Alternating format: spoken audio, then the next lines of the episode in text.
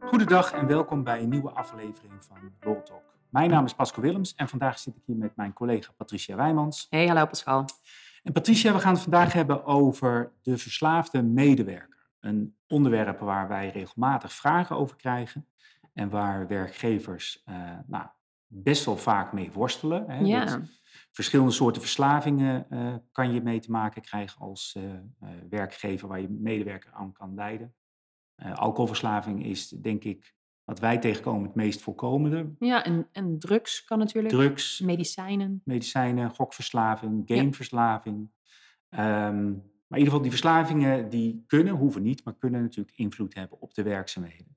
Ja. En um, soms weten werkgevers het niet helemaal zeker dat iemand verslaafd is, maar merken ze het aan gedrag en vermoeden ze iets. Ja. Dat is natuurlijk al op zichzelf ingewikkeld.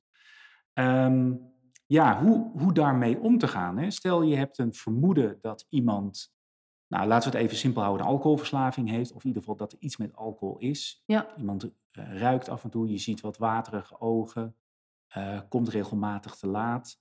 Ja, wat zou het eerste moeten zijn wat je dan doet?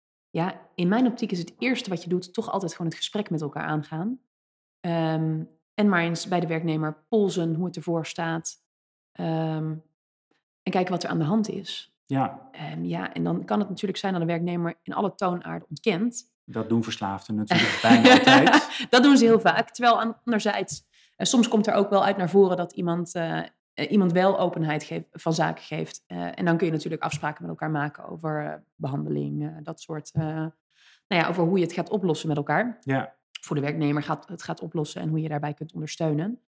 maar goed, als het wordt ontkend, Um, ja, dan zou je misschien een bedrijfsarts kunnen inschakelen. Um, dan moet de medewerker wel mee da, willen daar werken. Moet, daar als moet niet verzuimt natuurlijk. Hè? Nee, nee, precies. Dat is al basis van, van vrijwilligheid. Nee, maar je hebt ook nog een open spreekuur. Dus daar zou een medewerker gebruik van kunnen maken. Dus daar zou je in ieder geval op kunnen wijzen dat dat soort mogelijkheden er zijn. Ja, als iemand geen openheid wil geven tegenover de, bedrijf, of tegenover de werkgever zelf. Uh, dat iemand misschien ook kan praten met de bedrijfsarts. Ja. Um, en dat is natuurlijk vertrouwelijk. Ik denk dat dat het verstandig is om het dan bij, uh, als zoiets gebeurt en de medewerker ontkent het, om het bij de feiten te houden. Dus wat je ziet. Dus wat je ziet dat iemand, uh, ik stel vast dat iemand te laat komt. Ik stel vast dat iemand onverzorgd eruit ziet. Ik stel vast dat iemand moeite heeft met concentreren. Uh, ja. Niet interpreteren, niet meteen het label erop plakken verslaafd. Dat kan van alles zijn. Het kan uh, inderdaad medicijngebruik zijn, er kan iets anders achter zijn. Ja, er kan ook iets spelen in de privésfeer wat totaal niet met een verslaving te maken heeft. Precies. Um, en dan iemand ja, uiteindelijk naar de arbeidsdiensten, uh, dan wel de bedrijfsarts sturen, omdat daar natuurlijk de medische begeleiding ligt. Ja. Um, daar willen medewerkers natuurlijk niet altijd aan meewerken. En wat wij in de praktijk natuurlijk zien, is dat mensen zich dan vaak ziek gaan melden. En dan komt natuurlijk wel de bedrijfsarts ja. in beeld. En uh, nou, vaak ook gecombineerd met ook wel behandeling. Ja. Um, en wat denk ik voor de praktijk ook lastige situaties zijn, dat in het begin is er nog wel eens begrip voor, maar op het moment dat zo'n verzuim langer duurt, iemand keert terug. Maar je merkt toch dat het niet goed functioneert. Ja. Um, ja, dat het dan uh, lastig wordt. Hè? Op Ja. moment is het geduld op. Ja. Uh, frequent verzuim kan natuurlijk daar ook een belangrijke rol in spelen. Ja.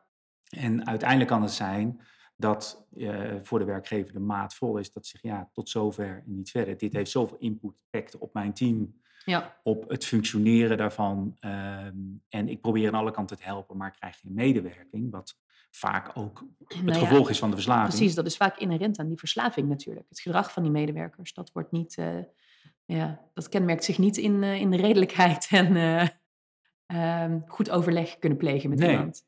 Kijk, en dit is wel een mooi bruggetje naar een recente uitspraak van de, van de rechtbank Gelderland van 31 juli. Daar was ook sprake van uh, herhaaldelijk verzuim, twee langere Ja. periodes geloof ik, met een tussenliggende periode dat iemand er wel was. Uh, bij die tweede verzuimperiode kwam pas de verslaving uh, aan bod, Ja, of aan de orde. en ook nog wel belangrijk, na volgens mij die eerste periode van, van langdurig verzuim, um, speelde er ook nog een verbetertraject. Ja, Dat de, de, de werkgever vond al langere tijd dat die werknemer onvoldoende functioneerde. Heeft toen een heel verbetertraject in gang gezet. En eigenlijk toen de conclusie al was getrokken. Ja, weet je, je laat te weinig verbetering zien. Um, je voldoet niet aan de functie-eisen. Toen pas kwam het Eh, toen pas kwam volgens mij die tweede periode van verzuim. En toen kwam naar voren dat die werknemer leed aan een alcoholverslaving. Ja, dat zien we in de praktijk natuurlijk wel vaker. Het functioneren, je merkt het nog niet helemaal. Of je hebt wel vermoedens, maar het komt niet aan het bovendrijven. Functioneren is onvoldoende. En als je dan zegt, ja, nu houdt het op, dat dan in één keer Ja, eh, de verslaving naar voren Ja. komt. Dat doet me heel erg denken aan die zaak van die KLM-piloot... die ehm, zich voor een, een vlucht moest melden. Daar een alcohol, steeksproefsgewijs alcoholcontrole werd gedaan... wat in die specifieke sector eh, een werkgever ook mag doen.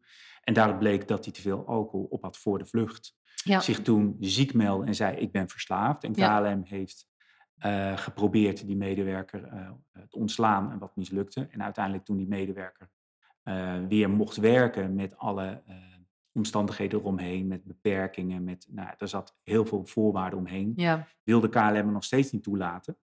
Ehm, heeft hij zelfs een kort geding eh, gevoerd tot de werkstelling die de medewerker ook won. En KLM, dus de medewerker had het recht zeg maar, aan zijn zijde, maar KLM liet diegene niet terugkeren. Uiteindelijk begreep ik, is hij met een enorme eh, ontslagvergoeding toch vertrokken, omdat Ja. KLM het belang heel erg groot vond. ja. Maar je ziet de bescherming van die medewerkers wel. En dat komt omdat verslaving wordt gezien als ziekte. ja, ja, klopt. En dus, Ja, dat is op zich natuurlijk ook het gekke, hè? Want als iemand niet verslaafd is, maar een keer, nou ja, eh, ik noem even wat, stel dat je niet verslaafd bent, maar je komt als glazenwasser op je werk totaal onder invloed, dan zou dat reden kunnen zijn voor een ontslag op staande voet onder omstandigheden.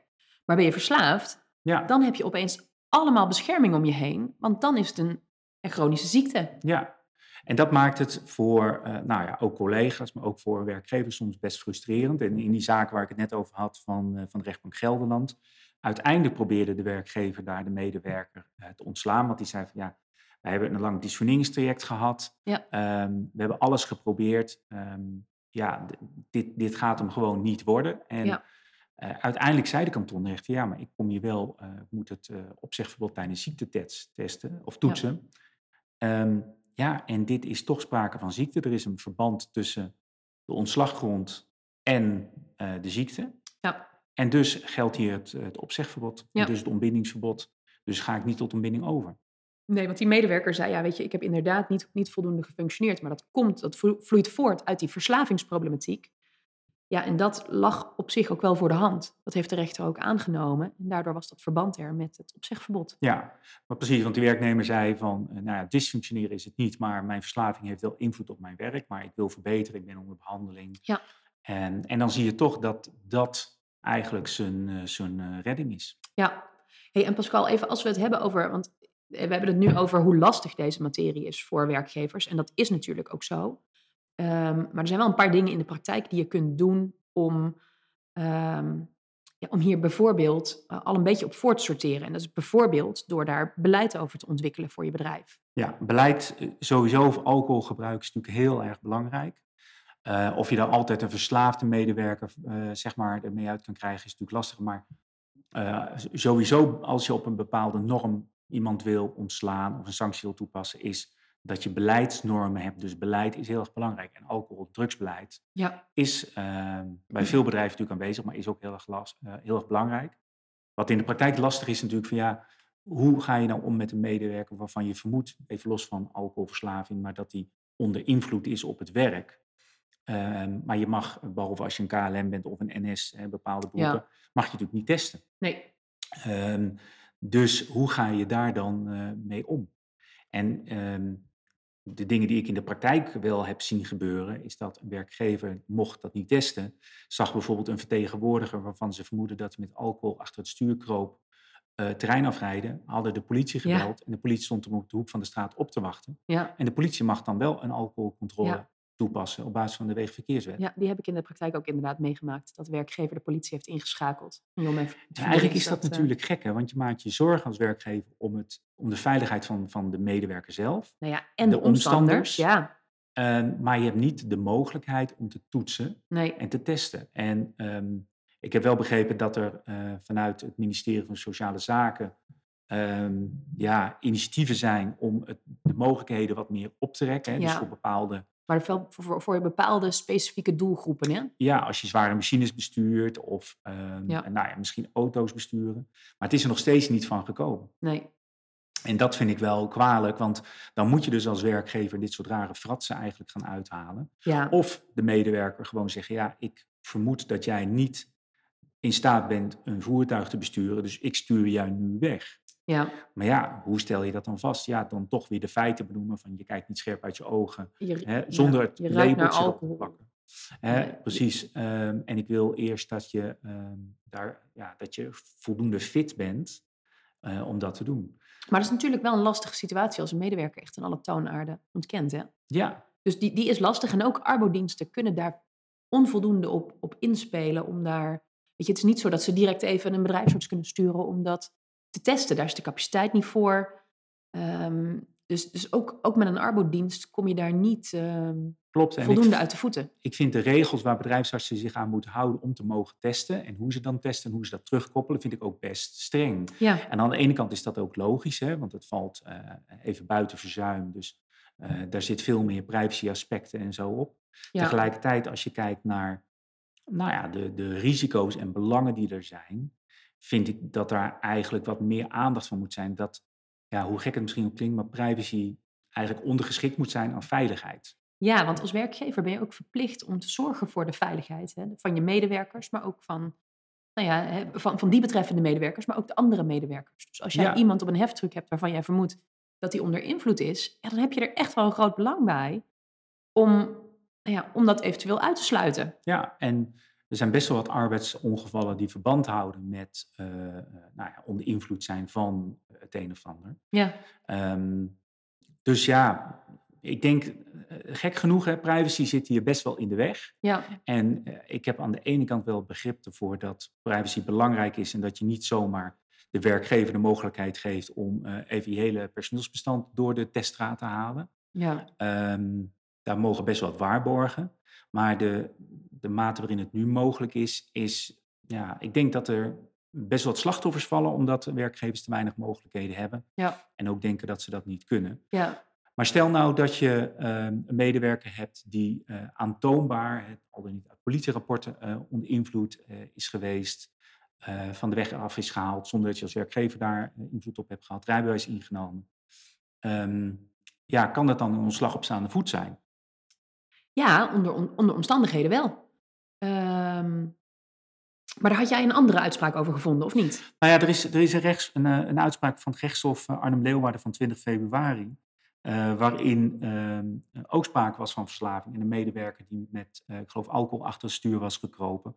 Paar keer van de weg was afgehaald. En uiteindelijk heeft de werkgever na waarschuwing en zo gezegd, dat mag niet meer. En voor de werkgever liep dat goed af, want dat ontslag op staande voet hield, eh, hield uiteindelijk stand. En dan zie je daar dat bij een ontslag op staande voet gelden die opzegverboden niet. Nee. Natuurlijk weegt de rechter dat wel mee in de persoonlijke omstandigheden. Maar is het een minder grote blokkade? Ja, Eh, ook omdat de ernst van de situatie natuurlijk ernaar maakt. ja. Ehm, dus die breekt er dan wel doorheen. Als de situatie maar ernstig genoeg is. Precies. Dan moeten de feiten en omstandigheden wel dusdanig zijn dat, eh, dat, dat de situatie zo ernstig is dat een rechter zegt, ja, hier, hier is de situatie zo ernstig. Hier nou ja, is een ontslag op staande voet toch ehm, toegestaan. Ja, kijk, in dit geval ging het ehm, om, een, om een medewerker die was stratenmaker en tevens administratief medewerker. Daar gold een bedrijfsreglement waarin ook afspraken waren gemaakt over eh, alcohol en drugsgebruik. En eh, in dit geval heeft hij zijn bedrijfsauto gebruikt in privé-tijd om eh, ketamine te kopen, een verdovend middel waar hij aan verslaafd was. Daarnaast begreep ik dat hij ook alcoholverslaving was. En uiteindelijk werd vastgesteld dat hij die eh, middelen gebruikte tijdens werktijd, maar ook ophaalde met de bedrijfsauto. Er zitten dus Ja, wel er verslaving als misbruik van bedrijfseigendommen in. Ehm, en uiteindelijk, ehm, ondanks dat ze hebben gezegd, oké, je kan je ziek melden, we gaan eh, je helpen en zo, hield hij dat heel erg af. Ja, Ehm, en toen zeiden ze op een gegeven moment, ja, dan, als hij het nog houdt een het keer voordoet, dan houdt het op. En dat hield uiteindelijk ook op. maar hier zitten dus al meerdere elementen in. Hè. Hier zit dus in, en je hebt beleid, dus je hebt er afspraken over gemaakt. Je hebt hulp aangeboden, maar die werknemer die accepteert dat niet. Ehm, hij gaat de weg op onder invloed. Eh, hij gebruikt bedrijfsmiddelen eh, om eh, zijn, zijn verslaving te, te faciliteren. Dus er Ja. zitten wel meerdere elementen in al die, ja, die allemaal bij elkaar opgeteld worden. En uiteindelijk ga je dan de drempel over dat een ontslag op staande voet eh, in dit geval een passende sanctie is. Ja, wat hier wel meespeelde, eh, is dat ook die dingen kwamen vast te staan. Dus er was een onderzoek eh, verricht. De medewerker heeft er ook openheid van zaken over gegeven. althans, voldoende openheid van zaken. Dus je zit ook niet met een soort bewijsprobleem. Want kijk, Nee. als de medewerker zijn mond dicht houdt en helemaal niks deelt, eh, dan wordt het al een stuk lastiger dan uit, als uit zijn onderzoek blijkt dat hij met de auto heeft opgehaald. Ja, En misschien werden er resten van eh, verpakkingen aangetroffen in de auto, waarmee hij geconfronteerd werd en dan uiteindelijk toch erkent dat hij dat heeft gedaan. ja, Maar ehm, eh, het was dus in dit geval liep het voor de werkgever in positieve zin af. Maar we moeten niet vergeten wat de werkgever allemaal over de voeten heeft moeten halen ja, om uiteindelijk dit voor elkaar te krijgen. ja, Eigenlijk is de conclusie wel dat eh, als je een verslaafde medewerker hebt, dan heb je gewoon een probleem. Niet alleen de medewerker, maar als werkgever ook. ja, Eh, dat is gewoon super vervelend. Ehm, en daar gaat best wel tijd en energie in zitten. En zorgvuldigheid, ook heel veel geduld, denk ik. ja, Ehm, en dan kan je met een, een beetje duw- en trekwerk, kom je misschien nog wel heel ver. Maar soms ook niet, hoe vervelend dat ook, eh, ook is. ja, Wat in ontbindingszaken nog wel eens speelt, is, ook al is de medewerker eh, ziek eh, door verslaving, als het in zijn of haar belang is dat er ontbonden wordt, dan kan het eventueel ook. Maar dat is best lastig, want dat moet je bewijzen. Dus dat is iets wat uit bijvoorbeeld de verklaring van de bedrijfsarts moet blijken, of uit de omstandigheden. Dat wordt allemaal best zwaar getoetst. ja, Ehm, dus ook daar zit wel een mogelijkheidje. Maar ehm, ja, de praktijk leert dat het gewoon enorm eh, ingewikkeld is. Je kan beter iemand hebben die af en toe gebruikt, Ja. dan wanneer verslaving komt vast te staan. Nou ja, dat is inderdaad wat ik ook al eerder zei. Als, als je te maken hebt met een niet verslaafde medewerker die, ehm, nou ja, die, die iets verkeerd doet met alcohol of medicijnen of drugsgebruik, dan, eh, dan heb je veel meer mogelijkheden om te sanctioneren dan wanneer iemand verslaafd is. Ja, precies. Dus eh, de moraal van het verhaal is lastig. Eh, handel vooral zorgvuldig, want als je als werkgever te kort door de bocht gaat, privacy niet in acht neemt of zo, dan eh, kan je zomaar in de situatie komen dat jij eh, boetekleed moet aantrekken of in het ergste geval bijvoorbeeld een billijke vergoeding moet gaan betalen of zo bij een Ja. ontslag. Ja, Ehm, daar kunnen we natuurlijk iedereen bij helpen als ze dat willen. Maar lees ook de, de uitspraken na die we in de, de show notes hebben gezet. En, ja ehm, en beleid. En beleid. Ma- maak beleid hierover. Maak beleid. Eh, pas dat beleid ook consequent toe. Ja. eh, inclusief de sancties. En, eh, en overleg ook met de arbeidsdienst of bedrijfsarts dat je dat beleid hebt en dat je dat kan toepassen. Ja. Dat is heel erg belangrijk. Want die medische kant bij verslaving kan je gewoon niet negeren. Nee, precies. precies. Dus ook goed om inderdaad met je bedrijfs, met je arbeidsdienst af te stemmen. nou ja, of daar ook daadwerkelijk uitvoering aan gegeven kan worden. Precies. Nou, dat was het weer voor vandaag. Yes. Ik wil iedereen bedanken voor het luisteren en graag tot de volgende keer. Tot de volgende keer.